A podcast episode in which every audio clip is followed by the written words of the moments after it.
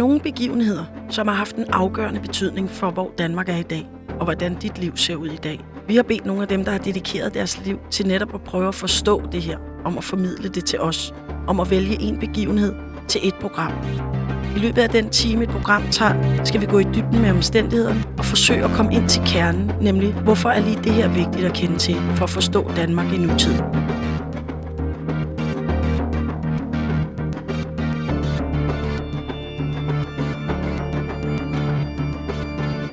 Velkommen til Fortiden Fast Forward med Mathias Damborg og Nana Winter. Harald Konge lå gøre disse kumler efter Gorm sin fader og efter Tyra sin moder, den Harald, som vandt sig Danmark al og Norge og gjorde danerne kristne.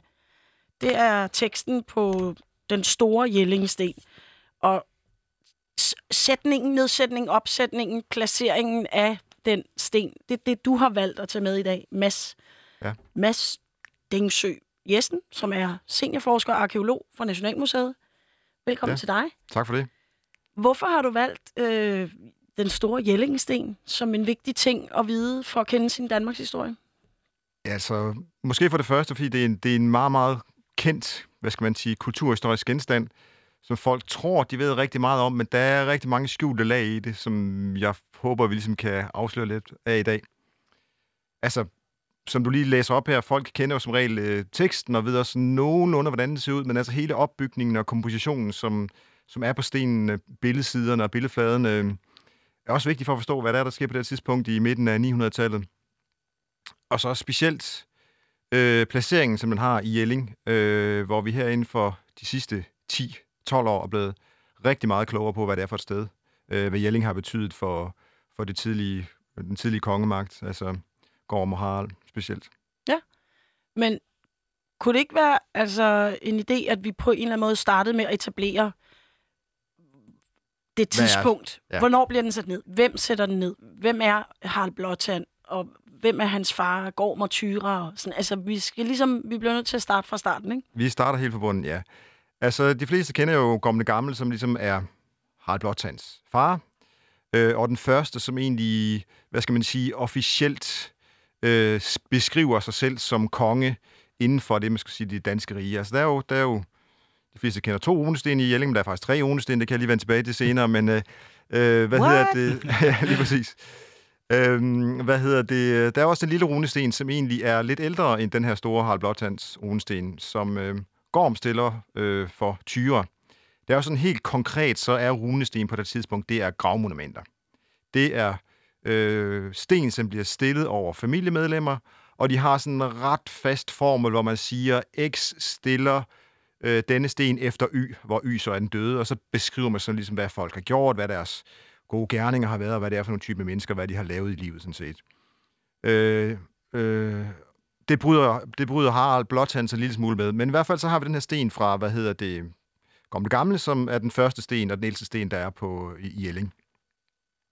Og den beskriver egentlig øh, også, et, som jeg lige sagde, et gravminde, men over hans kone Tyra, som, øh, øh, som er den første af den familie, vi ligesom ved dør og givetvis bliver begravet i Jelling. Og der står, at øh, kong Gorm øh, gjorde disse kumler, og kumler betyder så gravminde, øh, efter Tyre og sin kone Danmarks båd. Øh, altså han beskriver sig selv som konge, og han beskriver sig selv som øh, øh, et, et sted i, i Danmark, jo, som er Jelling, øh, og så har han den her øh, kone, som han beskriver som Danmarks båd. Nu, Både, nu siger ja. du, at han beskriver sig selv som konge. Altså, ja. var han anset som konge af Danmark? Ja, det er jo så der, det bliver lidt langhåret, kan man sige. Øh, og det er jo der, vi har lidt svært ved at, at vide, hvad det egentlig betyder. Øh, mm, hvad konge er. Er der mange konger i Danmark på det her tidspunkt? Mm. Er der mm. en overkonge? Er der små konger? Og det, det er sandsynligvis noget, der sådan er, er meget dynamisk på det her tidspunkt, hvor øh, der kan sagtens have været en konge på Bornholm for eksempel, mm-hmm. øh, og der har sikkert også været, øh, som har været relativt selvstændig. Øh, men de er alle sammen, uanset hvad, relateret til hinanden i, i, i et kongsligt forhold. Okay. For eksempel på det her tidspunkt, så ved vi også, at selvom Gorm ligesom er beskrevet som konge, og også bliver forstået som konge, altså over et, et rige, øh, så har han stadigvæk underlagt en eller anden form for relation til øh, det otonske rige, altså øh, de konger, som er franker og er i Tyskland og, hedder, og hedder Otto, derfor det otonske rige. Øh, så det er Otto den første, Otto den anden og Otto den tredje, som ligesom er, er samtidig med, med, med gamle. Okay, så man kan og- ligesom sige, at det er forskellige statsledere fra forskellige steder, og så har de hver deres underministre under sig yes, på en eller anden måde. men stadigvæk er de, sådan, øh, er de egentlig selvstændige. De okay. Betaler måske en eller anden form for vasalskat til hinanden, okay. Og så er det sådan lidt råd rundt mange gange. Øh, og det er også dynamisk i den forstand, at du ved, det, grænserne er måske heller ikke helt klart. Øh, hvem, hvad er det egentlig for et landområde, vi taler om? Og de skifter konstant. Altså, mm-hmm. og, du ved, og så er der en bror, der gør oprør mod en anden, og så er det hans nevø, og det kender vi også fra, fra den danske kongerække, at du ved... Øh, øh, At der er et De- tidspunkt, de- hvor de bliver afløst. Altså mor efter mor efter mor. Ja, det er jo, en, det er jo en lang uh, Game of Thrones i virkeligheden, Ja, ja, ikke? Altså, hvor, hvor, hvor de ligesom kæmper om magten. Men, men Gorm taler alligevel om Danmark. Altså, er det første gang, man bruger, jeg var lige ved at sige, betegnelsen Danmark øh, på Øh. den sten, som Gorm, den lille sten, som Gorm Nej, han, han, han, han skriver ikke, han skriver Danmark, Nå, ja, lige ja. præcis, om sin kone, ja. Så, så Ja. Danmark lige blev beskrevet der første gang, ja. Øh, altså, det er beskrevet, danerne kender man tidligere, og det er mm. faktisk, de har en ret lang historie. Øh, helt tilbage til, til 500-tallet, øh, hvor nogle af de her, hvad hedder det, tidlige germanske skriftlige kilder beskriver, at der er et, et folk mod nord, der hedder danere.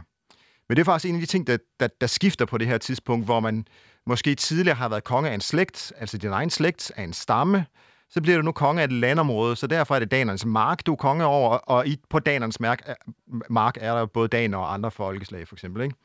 Øh, så du er egentlig mere, mere, mere konge af et område, end du er af et folk. Mm.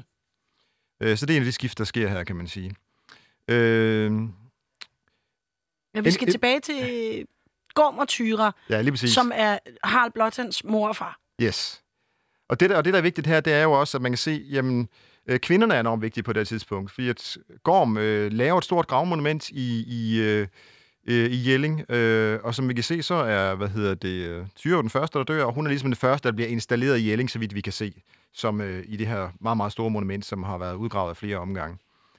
Øh, og hun bliver også nævnt af sin søn, Harald, så det er simpelthen vigtigt at nævne kvinderne i de her slægts, slægtsrelationer. Det ved vi også fra de her øh, på kontinentet, at de, øh, de prinsesser, der ligesom bliver giftet rundt i systemet, de er enormt vigtige for at skabe alliancer og for at skabe, ofte simpelthen også for at skabe fred. Du ved, at der er, der er øh, prinsesser, der bliver sendt fra, fra Byzans til Otto den første, altså øh, det var så i, i, i øh, Istanbul, ikke? Nuværende Istanbul. Øhm, og der er en masse øh, hvad skal man sige, familierelationer, som er vigtige at definere igennem kvinderne. Så de er egentlig en indgang til at skabe fred, og en indgang til at skabe relationer, og en indgang til at skabe magt. Så, så de her aspirerende konger, de vil ofte gerne have en, en, en, en, en meget, meget høj prinsesse som, som deres brud. Ikke?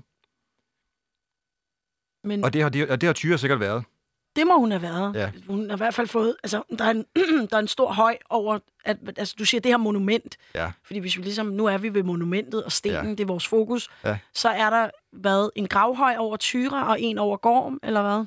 Ja, altså, øhm, det er jo sådan, at, at hele monumentet er ligesom bygget op omkring øh, en stor skibssætning, hvor i, altså en skibssætning, altså det vil sige sten, der er stillet op på to rækker, så det ligesom danner formen af et skib, ligesom man kender et vikingskib, altså eller normalt skib, ikke?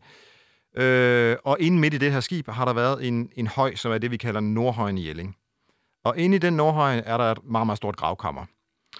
Øh, øh, og gravkammeret har i sig selv en speciel historie, for det blev øh, røvet, øh, eller ikke røvet, sikkert ikke, det ved vi faktisk ikke, om det blev røvet, men der var i hvert fald lavet et, et, et, øh, en indgang og et indbrud ind i, øh, ind i, øh, ind i Nordhøjen allerede tidligt i, øh, i vikingetiden, altså måske få generationer efter, at, øh, øh, at der blev gravlagt en person derinde. Øh, og det bliver også udvidet flere gange, hele monumentet i, i Jelling. For det, det første er det her skibssætning, som er øh, 360 meter, øh, meter lang, altså absolut den største skibssætning, flere gange længere end, end, end, end, end de næststørste skibssætninger, vi har i ja, hele verden, er det sådan set, fordi det er jo sådan lidt en skandinavisk tradition at lave de her skibssætninger. Så 360 meter langt, øh, og, og, og centrum i det her, altså den her grav, øh, gravkammer og gravhøj. Og gravhøjen i sig selv bliver også udvidet øh, senere med den der ligesom sådan stenpakket først, var der sådan en flot øh, overflade med, med store kampesten, øh, og så bliver der lagt et øh, kæmpestort tørvelag udenover på flere meter. Så den er, den er 9,5 meter høj øh, og, og, og knap, øh, eller godt 20 meter i diameter. Så det er en ordentlig men er bunke. den så lavet af Gorm over Tyra, eller ved, ved man det? Eller er den lavet af Harald over sine forældre? Øh, gravhøjen tænker du på? Ja. Nej, den er sikkert lavet i... Altså, vi ved, den er, vi, den er dendrodateret, så den er meget, meget præcis dateret, hvornår selve gravhøjen er lavet. Den Okay. er dateret til vinteren øh, 958-59. Der ved vi, at gravkammeren bliver lavet. Så der er en eller anden person, der dør der. Problemet er så ved det her, er, at den, der har været så mange øh, hvad skal man sige, indgravning ind i gravkammeret, så det er svært at... Den, den er faktisk næsten tom på det tidspunkt, man sådan egentlig laver en rigtig arkeologisk udgravning i Jelling.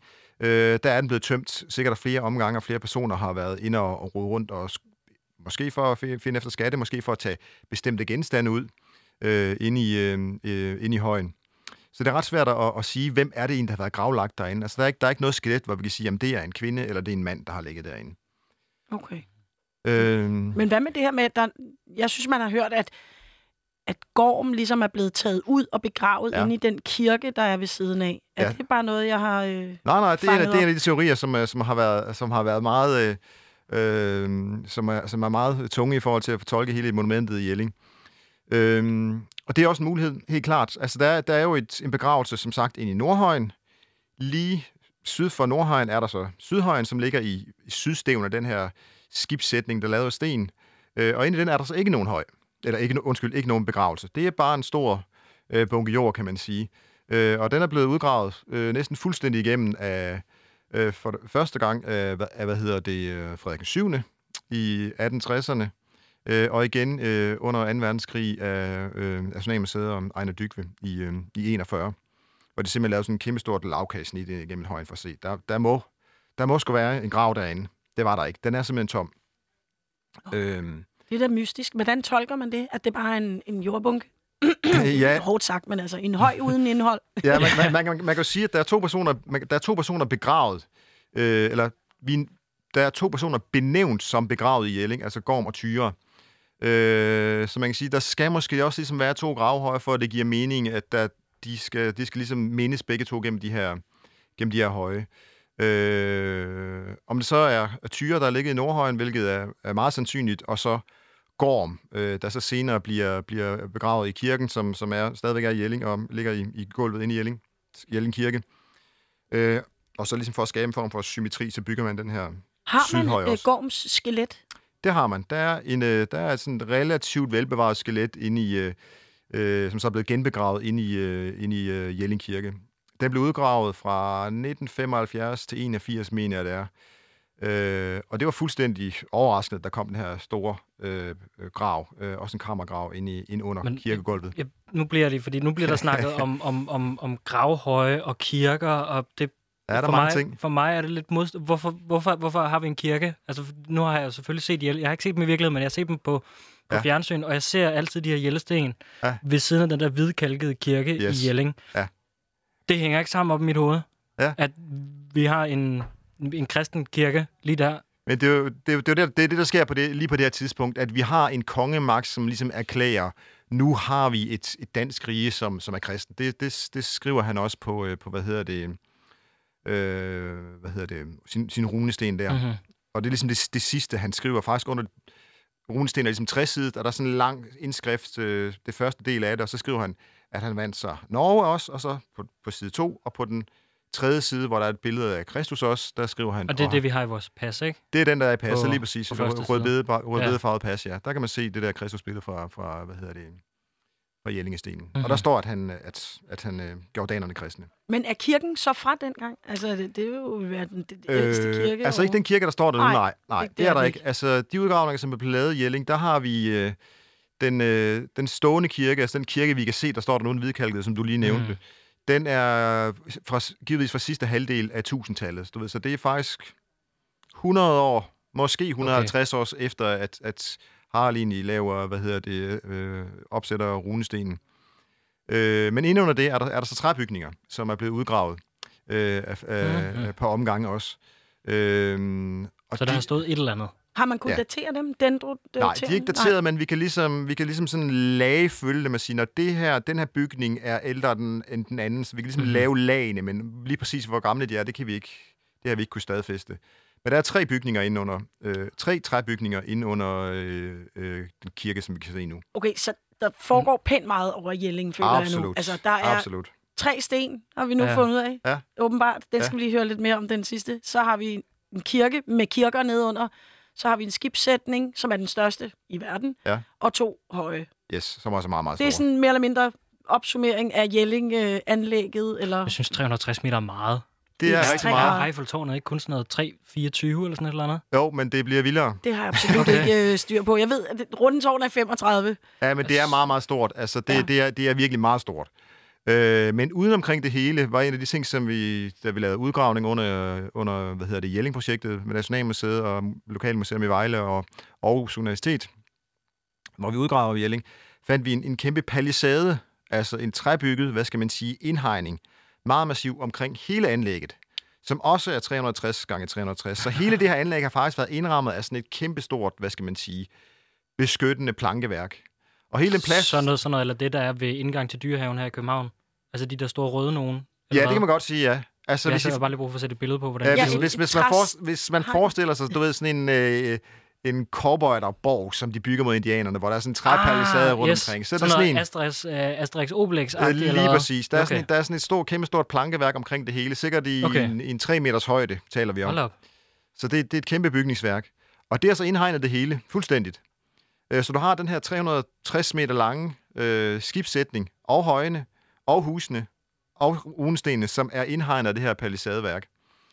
Øh, Hvordan øh, tolker man det? Altså, er det sådan noget med, så har der stået en eller anden torfind ved indgangen og været sådan, du skal forbi mig og min kampøkse Ja, før? og så, altså... de har faktisk, det, det er faktisk en af de sjove ting. Altså indgangen, vi har ikke fundet, altså Jelling by ligger der nu, så det er sådan meget, meget svært at udgrave der. Ja. Men lige for at vende tilbage til, hvor stort det er.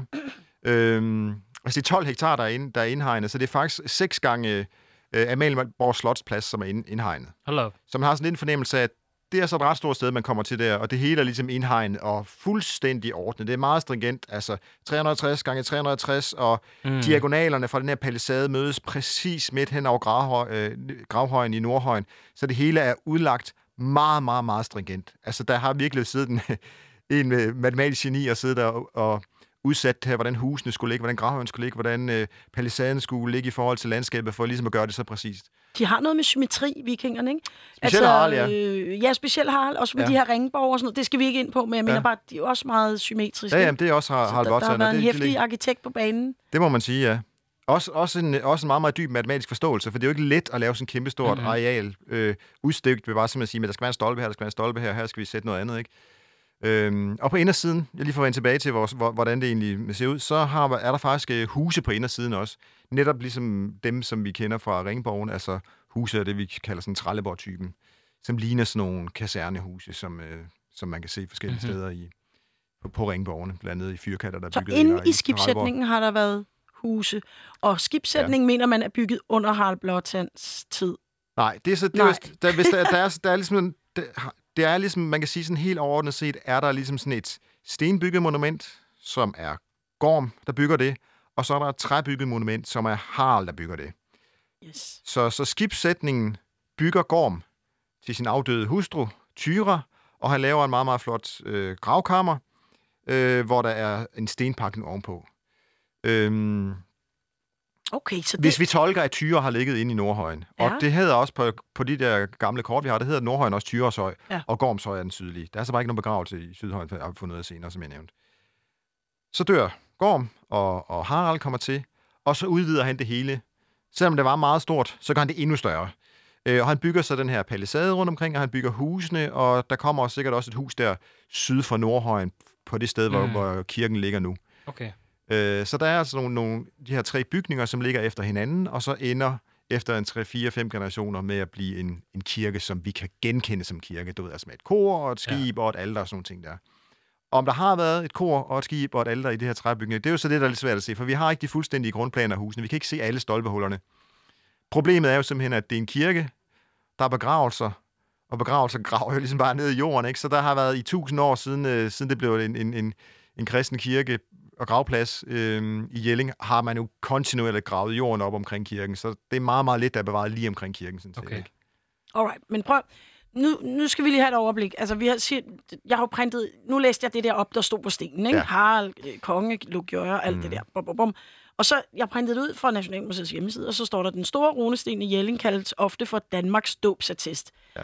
Altså, fordi der står Danmark, men det gør der så også på den Gorm har lavet. Så det vi på en eller anden måde ser, er, at Gorm og Tyra efterlader til Harald et Danmark, altså som for første gang. Så det er derfor, ja. de er vigtige også. De, er jo, de, de, de, har de ligesom, er ligesom skabt startskuddet, kan man sige, ja. Helt sikkert. Og det er tit lidt det, det man glemmer i, i historien om, om Harald Blåtand, det er, at der er altså en fader og en moder, netop Gorm og Tyre, som sikkert er de første, der ligesom er egentlig øh, konger i Danmark. Men det er jo ikke sikkert, at de er konger i, i, i, i hele riget, som vi forstår det. Det, det, det tyder på, at, at, at Harley jo også gør noget, vipper en eller anden anden af pinden og, og overtager det hele. Øh, og det kan jo måske være nogle, øh, nogle øh, hvad hedder det, sjællandske konger. Altså, vi ved jo også, at i Lejre er der jo også øh, en, en kongemagt på det her tidspunkt, altså Lejre-kongerne, og de forsvinder jo lidt på samme tidspunkt, som, som Jelling-dynastiet opstår, så er det, er det egentlig det, han hen, henviser til, at øh, nu har han faktisk også indtaget øh, Sjælland, og, og, og på det her tidspunkt er det sikkert også det sydlige del af, af Sverige. Øh, som, så skal det forstås sådan, at, han egentlig, at det egentlig er et rige, der er defineret, men den proces, som Harald sætter i gang, den fuldfører, øh, undskyld, den proces, som øh, Gorm sætter i gang, den fuldfører Harald, så, og så kan han kalde sig konge af det. Okay, så større hvad, hvad er det, Harald altså, står overfor? Han, ja. han to, Gorm dør, Tyra var død, Gorm dør. Står han her med Danmark? Hvad sker der i Danmark? Altså, øh, der er det med de her ringborg og sådan noget. Altså, er, han, Ja. er folk bare render de rundt og hylder ham? Er det ligesom med dronning Margrethe? Du ved, sådan, woo! Ja, altså, Tillykke, det, det, Daisy. ved, altså det, det vi ved, sådan, hvad, sådan, hvad skal man sige, den helt, helt større billede i Europa på det tidspunkt, så er, så må man sige, at, at, at på det tidspunkt er Harald en presset mand. Allerede fra day one, han bliver konge. Det er jo tit det, der sker. Det kan vi se i, i alle de her øh, kongekrøninger. Det er, når der kommer en ny konge, når, så er der lige pludselig en masse tumult. Ikke også? For hvem er den nye konge? Hvor magtfuld er han? Har han de rette forbindelser? Tør han egentlig sætte støvlen helt lige, i, når, når, når, der, når der bliver problemer? Øh, og det er en af de ting, der tyder på, at der sker aller, meget, meget tidligt der i starten af 960'erne, hvor vi må formode, at, øh, øh, at Harald, øh, Harald Blåtand bliver konge efter Gorm. Vi ved heller ikke præcis, hvornår, hvornår Gorm dør.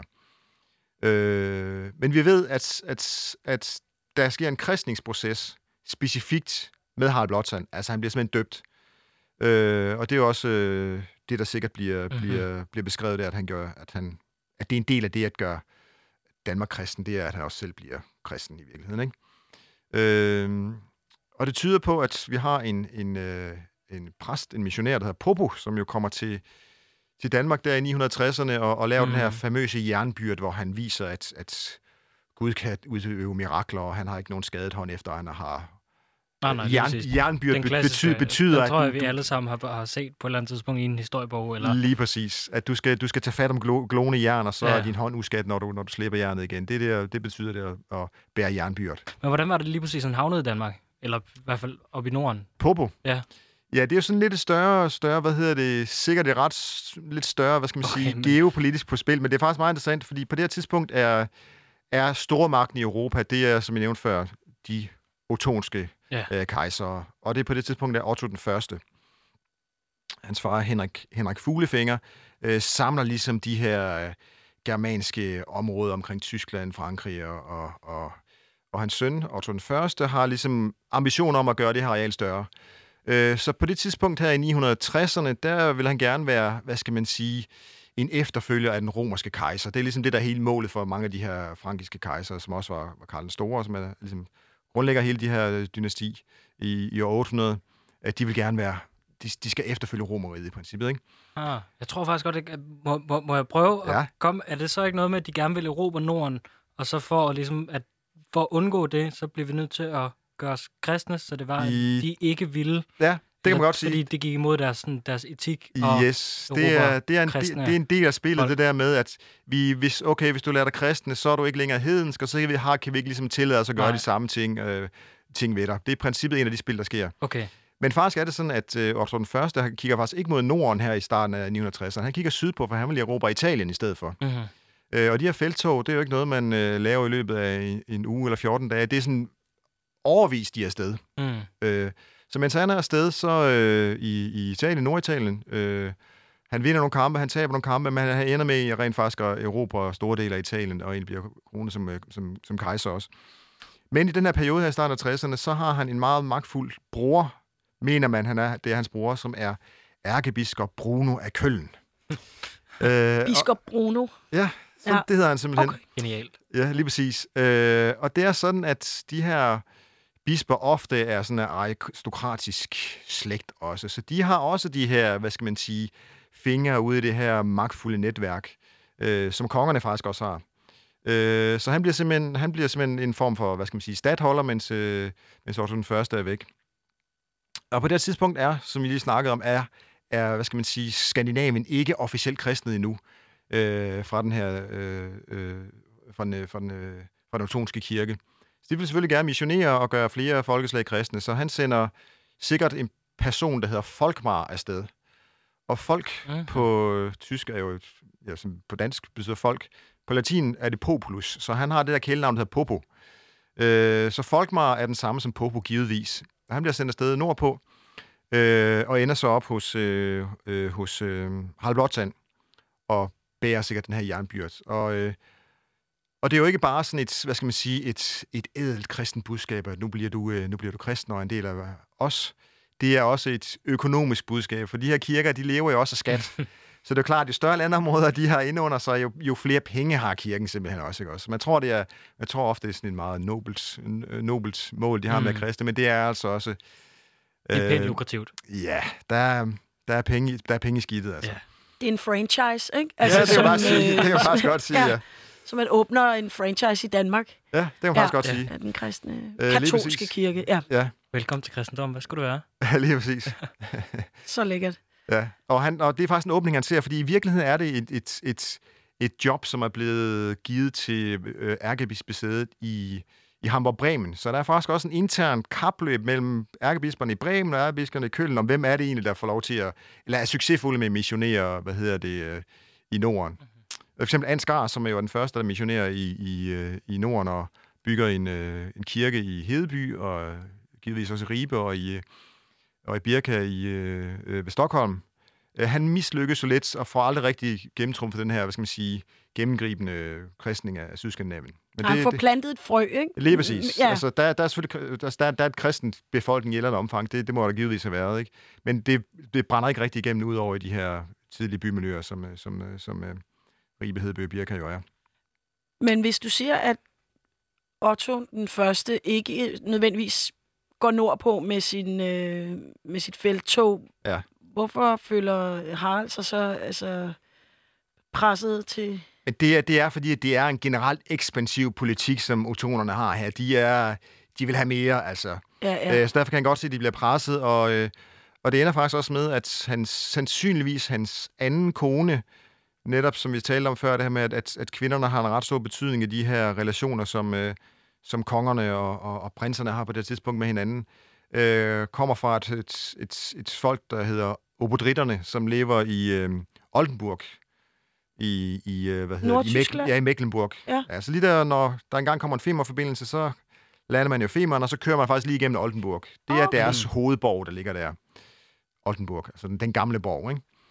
Øh, og de har egentlig lige præcis der, de ligger også lige der grænseland der, hvor det otonske rige går til. Øh, så de, de har ligesom de samme bekymringer. Hvad, hvad, hvad finder Otto den første på? Vi kan se, at han er i gang i, han er i, gang i Italien, og han har en kæmpe, kæmpe her, og hvordan, hvordan holder, vi, holder vi stand mod det her? Øh, og de bliver begge to kristne på samme tid, stort set. Øh, og, øh, og Harald Blåtand bliver så gift med Tove, som er Mistivois datter, og Mistivoj, han er prins eller konge af oberdrinerne der i Oldenburg. Så de laver simpelthen en konkret personlig alliance. Du får min datter, og nu, er vi ligesom, nu har vi ligesom hinanden øh, som en relation mod, mod Otto den første. Men nu siger jeg jo også presset. Altså, det er jo noget, jeg antager. Er der, Ja. vi, altså, han skriver jo selv stolt og laver den her sten. Vi ved det er jo strengt taget ikke, men altså, er der en chance for, at han bare bliver grebet af en fuldstændig guddommelig øh, åbenbaring, og virkelig... Det er der vel også. Altså gerne vil være kristen. Ja, altså virkelig bliver sådan, S- gud, jeg har fundet den det. sande tro. Det, er, altså, der er jo ikke noget, der, der er ikke noget til hinder for, at Popo virkelig har været et, et retorisk talent og overbevist Harald om, at det her, der er simpelthen, øh, du skal lægge de gamle guder fra dig og gå, øh, gå mod Jesus. Altså, det er, det er, han, han, han, bygger, han, han laver jo også en sten, hvor der er en Kristusfigur på, ikke også? Så der er ikke nogen grund til at tro, at han ikke tager det alvorligt i hvert fald. Men han har i hvert fald et incitament til det. Altså, det kan godt være, han Absolut. bliver overbevist, men det er også ja. på grundlag af, at mm, det virker som en meget god idé lige nu. Og plus på det her tidspunkt er det jo også, øh, kan man jo også godt se, jamen, at de konger, der har øh, Kristus med sig, er succesrige.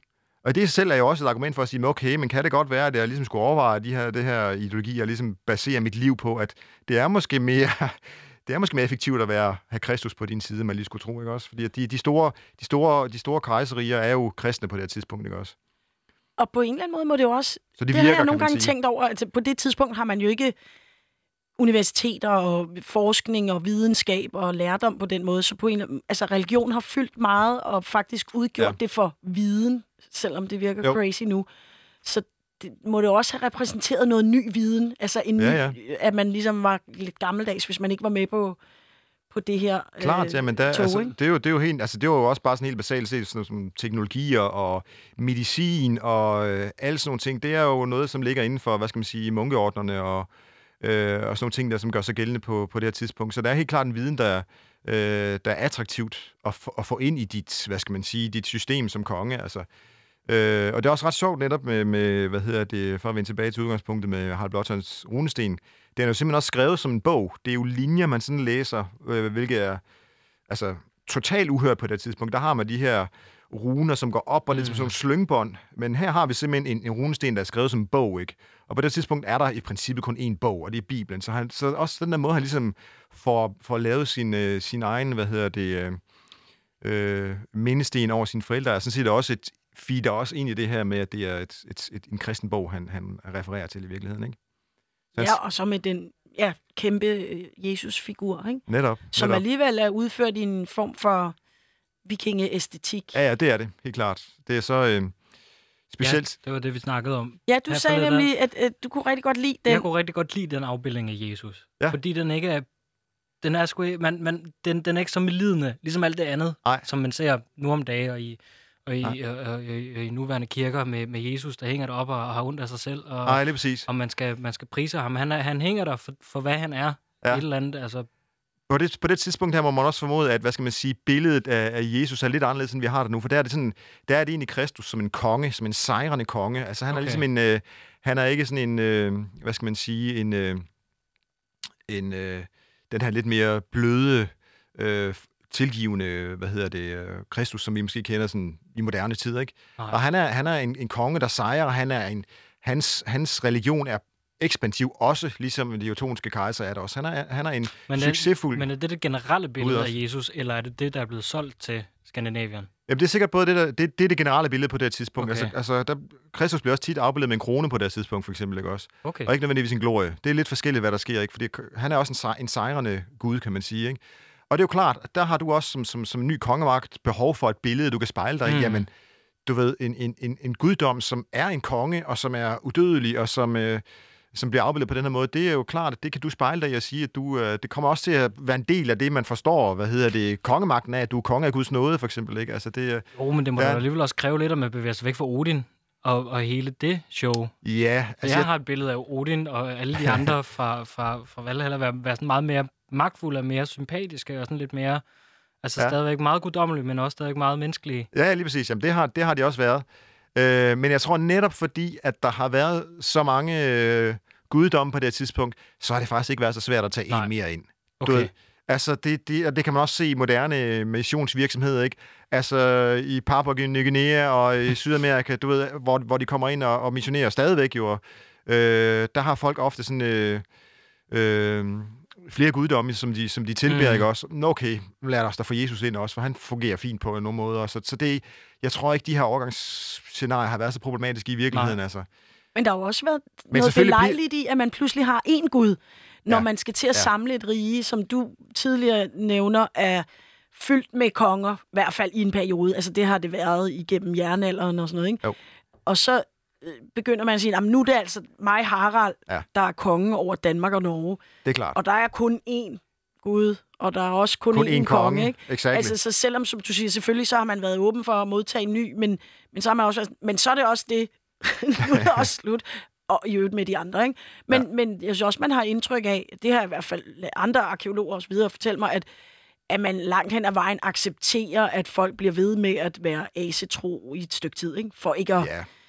Ja, altså acceptere, acceptere. Der har, der, har, der har nok været lidt, lidt, lidt sort magi i kronen rundt omkring.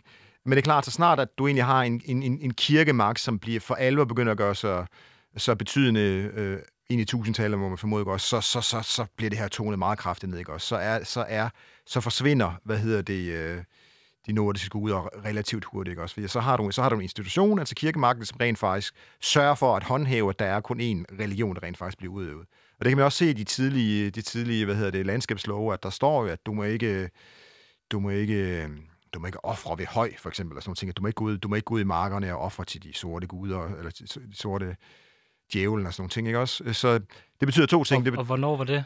Ja, det er jo så for eksempel i 1200-tallet. Okay. Så det betyder, at der er nogen, der har gjort det, for ellers man ikke ville have haft behov for at lave Nej, nej. loven. Men det betyder så også, at det ligesom bliver håndhævet, at du ikke gør det. Mm-hmm. Så du ved, der er, der er nogle ting, der foregår ude i, øh, ude i skumringen om natten, ude ved højene, som, som, som kirken sikkert ikke har helt styr på. Det, øh, det har Der har været været, ja. en, del af Danmark, en udkants Danmark, hvor at man måske har været sådan lidt, ja, ja, Ja, det det kan, er også det. Altså, det kan der, du sige. Der Det kan du sige, Je- Jesus Kristus, men altså, Ja. vi ved, hvad der virker, ikke? Lige præcis. Ja, men okay, nu er vi alle vegne. Nu har vi, været, vi har fået styr på, at i, i Europa, Otto den første og hele det her øh, kristne, hvad kan man sige, bølge, altså der er jo Ja. ja. nærmest en, ikke et EU, men altså der er en forening af, ikke forening, der er en gruppe af lande, der er et helt kontinent, der er Ja. blevet kristnet nærmest, ikke? Ja, det kan man godt sige. Det, Ja. det er meget, meget tæt på, ikke også? Og der er vi nogle af de sidste, eller hvad, der kommer med på vognen ja, der. det er vi sådan set. Vi, det er relativt sent. Altså, det sker selvfølgelig lidt, lidt senere i, øh, i, hvad hedder det, Norge og Sverige og Island også. Men det er der ind, ind i, omkring fra 1000 og frem. Der, der går det relativt hurtigt. Men hvad sker der i Danmark?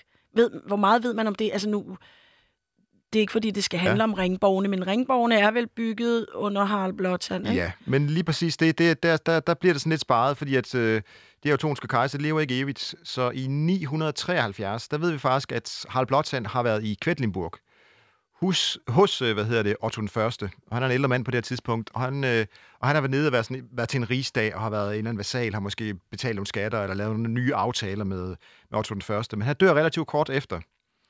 Og så står vi i den her situation, okay, nu kommer også hans søn så også den Første så til, og han er relativt ung, jeg mener, han er i 20'erne, 18-20 år gammel, så han er en meget, relativt, meget ung konge.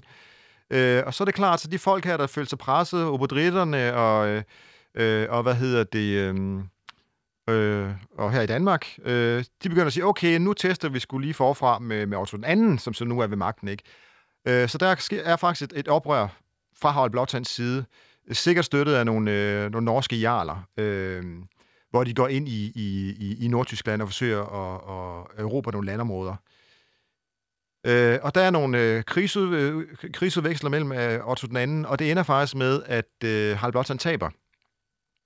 Øh, det er lidt uklart beskrevet, hvad der er, der sker. Der er nogen, der forstår det som om, at han taber et slag ved Dannevirke, øh, eller han taber et slag ved en borg i Jylland. Men det er, det er ret tydeligt, at han taber. Øh, han givetvis mister, mister dele af, hvad hedder det, øh, af Hedeby og det areal, der er nede omkring Dannevirke i, i samme omgang. Slesvig. Ja, Ja, faktisk ja. øh, Sydslesvig, ja. Øh, så der, der, der ved vi, at han har tabt et slag til, til Otto den anden. Så der er ligesom stillstand igen så. Øh, og i halen på det bliver der så bygget de her ringborge. Så, har, så bag linjerne, kan man sige, så begynder han ligesom at, øh, at opruste igen. Og det er så der i slutningen af 970'erne, altså en 4-5 år efter, han taber det her slag. Og så ind i 980'erne, hvor han bygger de her store ringborge. Okay, så det er et, ligesom et, det er de forsvarsværker. det er Ja. dem her, Akkersborg, Fyrkært, Fyrkat, Trelleborg. Nonnebakken og så den nye borgring her Ja. ja. nede på Køge. Men det har ikke noget... Jeg troede også lidt, det havde... Eller, jeg har ikke styr på det, åbenbart. Men jeg troede, det havde noget internt. Altså, fordi han bliver... Så vidt jeg husker, så er historien om Harald Blåtand, at han bliver skudt i røven af sin søn, og derfor dør han. Eller, Nej, ikke af sin søn, men af sin søns soldater, ja. Han, Ah, okay. ja, lige præcis. Men det sker faktisk først It's lidt... true. Det, det sker faktisk... Ja, det ved vi ikke, om det er rigtigt, Ej. men det kan, også, det kan også godt være, det er en af de her historier, man sådan får at nedgøre den tidligere konge, ikke? Mm. Øh, men det sker, lidt, det sker sikkert lidt efter, altså måske op i 980'erne, øh, hvor Harald Blåtand sikkert dør, ikke? Så det er efter, at, at ringborgene bliver bygget. Så, så vi ved faktisk ikke, om ringborgene bliver bygget under en borgerkrig, kan man sige, med Svend Tviske, eller de bare er der og bliver brugt i borgerkrigen, kan man sige, ikke også? Okay. Øh, fordi netop det, der, det, der så sker med, øh, med de ottonske kejser, det er, at øh, Otto den anden virker, viser sig så at være en ret funktionel og magtfuld konge, så han stadfæster ligesom øh, sin far, Otto den Førstes, rige er også øh, relativt ekspansiv. Øh, han dør så også meget ung, i en alder af 28 i 983, tror jeg det er. Og han har så kun en lille bitte søn, som er 4-5 år gammel, som naturligvis ikke kan være konge på det tidspunkt. Så der begynder det ottonske rige virkelig at være problemer, fordi med fanden skal nu være konge, ikke også? Hvis du har kun en 3-4-årig dreng, som ikke rigtig fungerer som konge. Så der er faktisk ikke rigtig nogen konge på det her tidspunkt. Og så begynder Mistivøje, som jeg nævnte før, at røre på sig. Så han laver faktisk et oprør fra øst ind i øh, det ottomanske rige. Altså, det var Harald Blåtands svigerfar? Det har blot hans svigerfar, ja. Lige præcis. Øh, og sikkert med, med hjælp fra Harald Blåtand igen, så vender de egentlig de her tabte områder tilbage øh, fra, fra Hedeby omkring øh, Dannevirke. Så, så, så er vi ligesom tilbage til status quo. Øh, og det kan sikkert, og det kan sagtens være i den forbindelse, at man har bygget de her, de her ringeborg, for så sker der egentlig en ekspansion fra den danske side, kan man sige. Ikke? Og det, det er jo udtryk for den her dynamik, I nævnte før. De her grænseregioner, de skifter hen ret meget også. Altså, og selv byerne skifter hen, og altså, der, der, der sker virkelig noget på de her tidspunkter. Ikke? Altså, Men kan man ikke godt sige, at man... Altså, hvis man ligesom skal sige... Sorry. Det er en vigtig tid, det her. Vi har, du har valgt den her begivenhed, fordi den markerer noget i forhold til Danmark Ja. og Danmarks historie. Ja. Så hvad, altså, den markerer, at nu er Danmark Danmark. ja, lige præcis. øh, Det kan man sige, ja. Des, og, og dets position i Europa på en eller anden måde bliver ja. øh, lagt en... Øh, hvad skal man sige? Der bliver lagt, lagt- sten til lagt det, som, som eller måde, ikke også, faktisk ja. allerede, altså, eller som stadig er gældende. Ja, altså hvis man kigger på det sådan rent geografisk også, så er det jo, så er det jo helt utroligt, at Danmark ikke er tysk. Altså, Ja. der, der, er jo- der er jo sådan, der er direkte indgang fra mm. til. Jylland, ikke? Øh, og det er og, og, og, helt, og det der sker i og det der sker i øh, øh, det der sker i vikingetiden med de her magtkamper der er med det med det ja et, et, et, et, et kontinentalt tysk rige, det er jo egentlig det, der, som vi ser flere gange gentaget op gennem historien, ikke? Og, og i princippet også det, der sker i under, under verdenskrigen, ikke? At der er, øh, der er kamp om de her landområder, og, øh, og det er jo bare et rigtig godt eksempel på, at, at historien gentager sig mange gange, siden vi ser de første kampe her fra Harald Blåtand, og så op, i, op igennem, øh, op til nu faktisk, jo, ikke? Så de ting, vi, de ting, vi kan genkende fra nutiden, de, de sker akkurat på samme måde i, i, år 9, i slutningen af 900-tallet, ikke? Men kan vide, hvad det er, der gør, at man, at man på det tidspunkt alligevel, som du siger, kan holde stand, at man ikke ender med at blive tysk. Altså, er det, er det fordi, vi er så seje, eller er det fordi, at man måske fra tysk side også ser en eller anden fordel i det, eller gider de bare ikke, fordi det bare er Danmark udskidt af kalk, eller sådan, du ja, ved, ligesom, altså de... det er præcis, ja. bare nogle strande for helvede, ikke? Ja.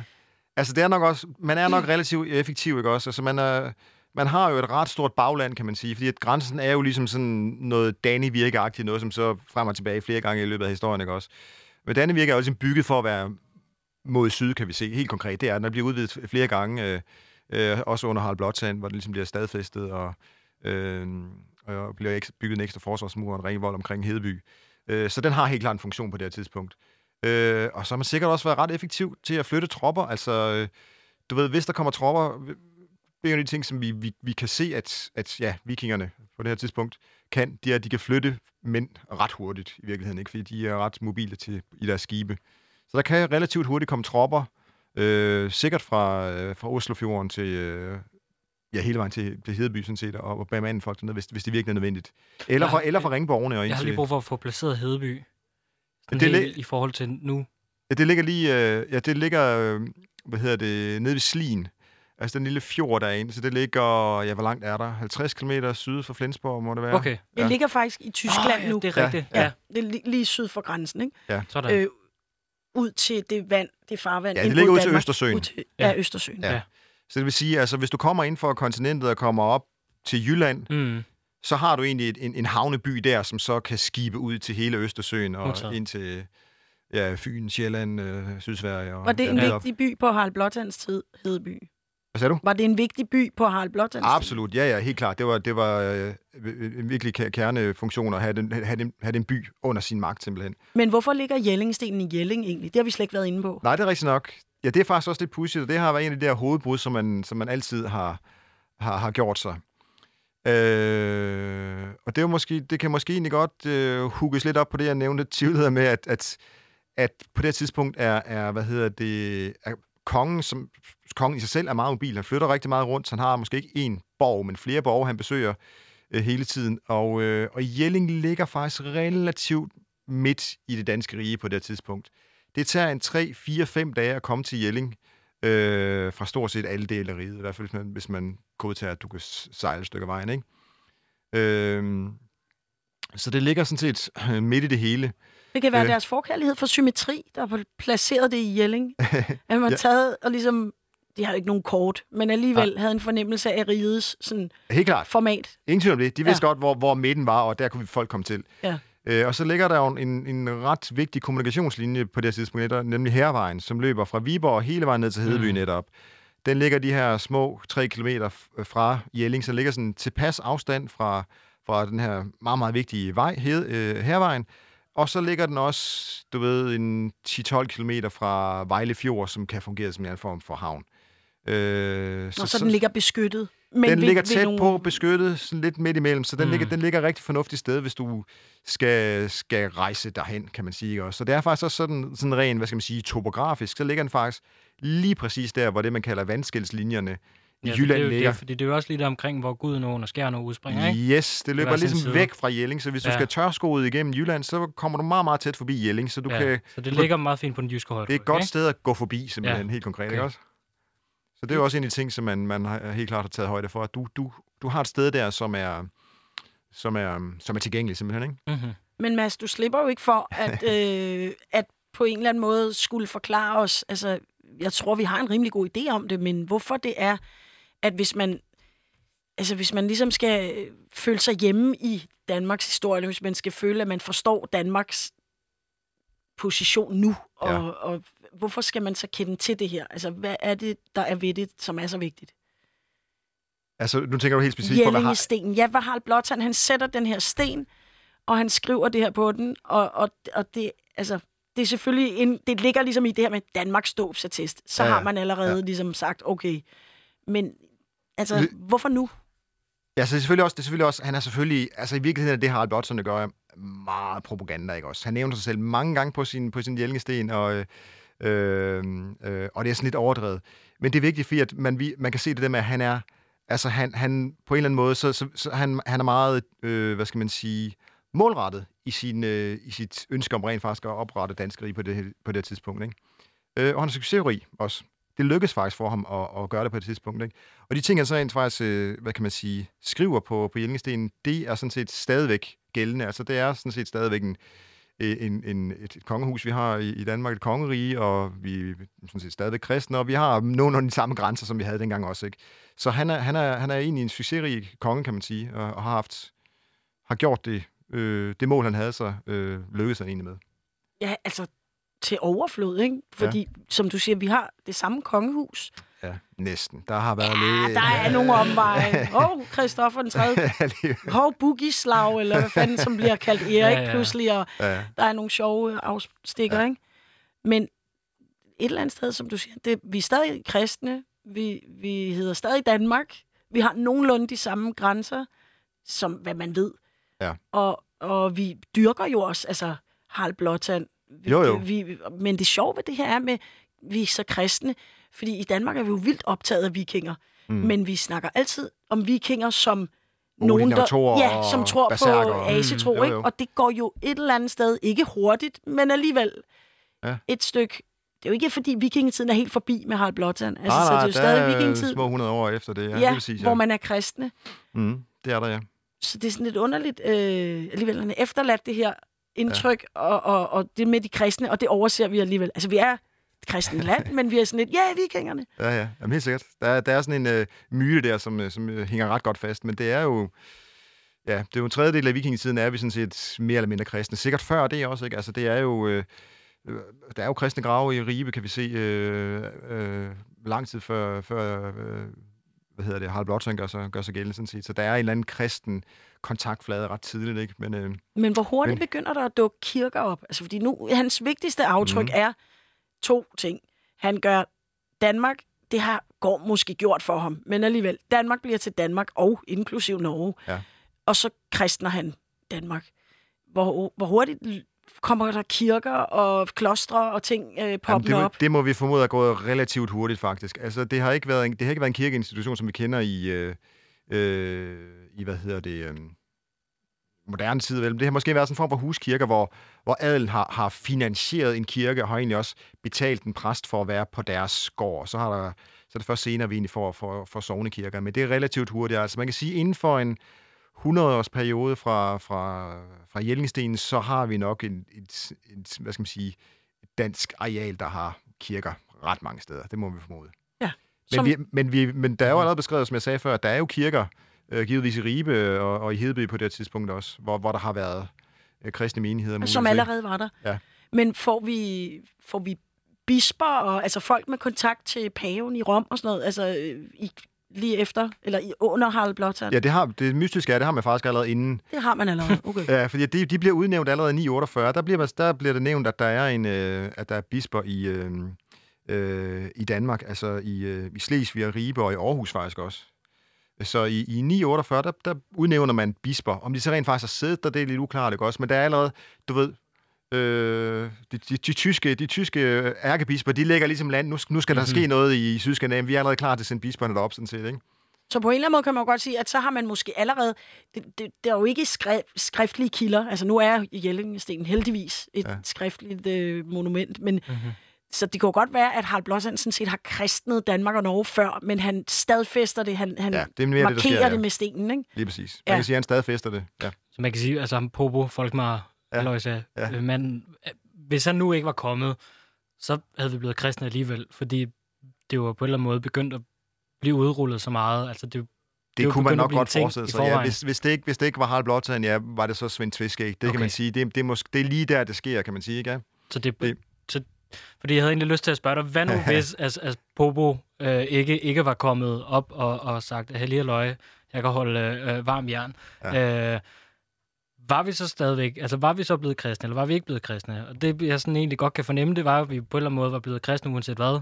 Eller i hvert fald var bevæget derhen af, om det så var 20, 30, 40 år senere. Ja, end- det kan man sige. Det, hvad det, det, er ligesom, det er ligesom det, der sker i de randområder på de her store central kontinentale riger. Det er de, de kristne, de folk, der ligger lige op ad grænsen simpelthen. Ikke? Så, så det har nok været et spørgsmål om, om, om tid.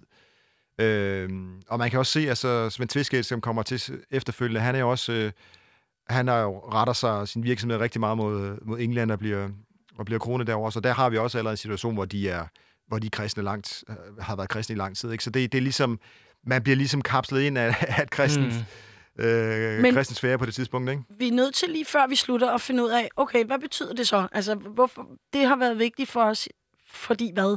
Altså, hvor stor en forskel er der på, om man var asetro eller om man var kristen? Altså, øh, der er vel et eller andet form for helt sådan værdigrundlag, der er fuldstændig anderledes i kristendommen. Ja, altså vi, vi ved jo helt præcis, så ved vi ikke specielt, specielt hvordan etik og moral har fungeret under, under, under de asetro. Det ved Nej. vi jo ikke. Altså det er, også, det er faktisk også et af de problemer, som de asetroende har nu. Hvordan laver vi simpelthen vores ritualer? Hvordan laver vi vores blod, som vi ved, det hedder? Altså hvordan har vi offret og sådan ting? Det, er- de ritualer er det noget, man mere eller mindre forsøger at udvikle og finde på fra, fra bunden af, ikke? Øh, men der er nogle ting, som, som vi ved har været anderledes. Øh, sikkert også radikalt anderledes. Det er for eksempel sådan noget som arveretslige principper. Og som jeg nævnte før, så netop det her med, at, at, at, øh, at kvinderne bliver nævnt i de her runesten, øh, der tyder også alt på, at, at kvinder har arvet ligeligt i forhold til deres øh, brødre, for eksempel. Ikke? Så hvis der er en gård, der skal deles, så får, så får datteren lige så meget, som sønnen gør. Det er en af de ting, som kristendommen ændrer ret meget på. Det, der kommer mændene ligesom i forkøbet. Mhm. Øh, altså i, i vikingetiden har manden sikkert også haft, haft forret over for sin kone og sådan nogle ting også. Men, men arveret, så ser det ud som om, at der har været ret ligeligt fordelt, hvad, hvad kvinden kunne få og, og, og, i forhold til sine, sine brødre. Så vi overtager faktisk et øh, en mandsjuvenistisk Det er øh, det ret meget, ja. Det ser sådan ud. med Jesus, der bare kommer ind og... Ja, det, det er en af de ting, som, som ser ud til at ske i hvert fald. Skønt. Ja, og Ja. det var faktisk utrolig lang tid, før vi så ligesom kommer på banen igen. ja, du kvinderne, skal jo helt op i øh, 1910'erne for at få stemmeret og sådan ting, ikke? Så der, Og det fede er, at folk havde siddet og tænkt og ventet på, ja, ja, okay, og så kommer kristendommen med sin etik og moral og pæne opførsel og sådan noget. Men ja. i virkeligheden, så har konsekvensen været øh, tusind års øh, undertrykkelse af kvinder. Ja. Øh, fik vi lige indført der Ja. med Harald Blåtand. Fedt. Jeg ved ikke, hvad jeg skal sige, fordi det, er jo- det er jo Nej, du rigtigt ryster. nok, ikke? Ja, det er det faktisk. Øh, fordi ja. jeg har sådan en, en tro, og jeg er sådan så glad for at, at, at være fra Danmark og vide, at vi kommer fra et sted, hvor der tilnærmelsesvis har været en rigtig fin ligestilling Ja. af, af, af mænd og kvinder. Altså, de har jo selvfølgelig haft hver deres opgaver, forstår jeg. Ja, det har vi haft været siden Ja, ja. 70'erne, ikke? Ja. Nå jo, men Ja, ja. seriøst. det er Eller. Det er helt klart. Nej, men begyndende altså, i vi- 60'erne. jamen, det er det. jo ikke før. At vi jo har været meget, altså lige, og et, et folk, et uh, uanset køn og, og tro og alt muligt. Også asetroen er vel man egentlig ikke så adskilt med mænd og kvinder. Nej, slet, nej, nej, Nej. Nej. Så har der måske vi- været nogle helt andre syrede ting, der havde været sket, hvis forestillet, at vi havde i de, de sidste tusind år, i modsætning til hele resten af Europa Ja. og verden, været asetro her, ikke? Ja, ja. Men altså, ja. Det havde er været så vildt. ja, Men altså, Og jeg helt får, Det lidt mærkeligt, ja. men altså, vi, vi er nødt til at slutte nu. Vi kunne blive Ja. ved Jeg med synes det her. måske lige, der er vi en skal ting. Lige, ja, du må lige komme med noget. En aller sidste ting. Ja. Det er jo den tredje runesten i Ja, for fanden, den ja. ikke omkring. Den tredje. Ja, for der, den, er, den er ikke så spændende, men alligevel lidt sød. Øh, fordi at øh, i 60'erne var den tidligere professor Becker øh, på besøg i Jelling og går rundt langs, øh, langs kirkediget, og så finder han faktisk en runesten, som det godt nok er slået i stykker, altså hugget op. Øh, men der står faktisk, Basse gjorde disse kumler. Så der er faktisk også en, øh, en, en, en, God. en gut- der hedder Basse, som har lavet et, et gravminde derovre. Og den står faktisk stadigvæk over i Kongen i Jelling, som man kan besøge. Og basse er nemlig ret sjov den, den sammenhæng, fordi man tænker, at det er sådan lidt, lidt hyggeligt, men det skal mm. nok forstå som vildbasse, altså en, en, en kriger, en, der gik forrest i kamp. Det synes Så jeg godt, man kunne der- indføre som navn igen. Altså nu, Ja. hvor man kan Ja. hedde dreng og tung og ja, ja, basse. pil og... Ja, basse. Ja. Nå, men vi er nødt til at slutte. Ja. Det er jo... Jeg hedder Nana Vinter, og, Jeg hedder Mathias Damborg. og du er Mads Stengsø Jessen, som var seniorforsker og Arkeolog. arkeolog for Nationalmuseet. Ja. Vi runder af her fra fortiden Fast Forward. Tak Ja. fordi I lyttede med. God aften.